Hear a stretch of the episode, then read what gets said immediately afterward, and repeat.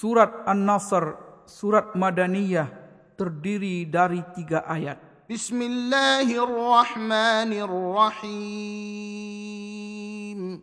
Dengan menyebut nama Allah yang maha pemurah lagi maha penyayang. إذا جاء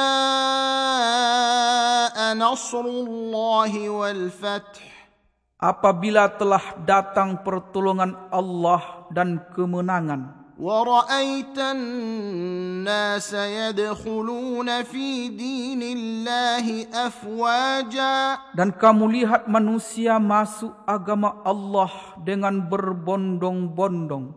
فسبح بحمد ربك واستغفره إنه كان توابا Maka bertasbihlah dengan memuji Tuhanmu dan mohonlah ampun kepadanya.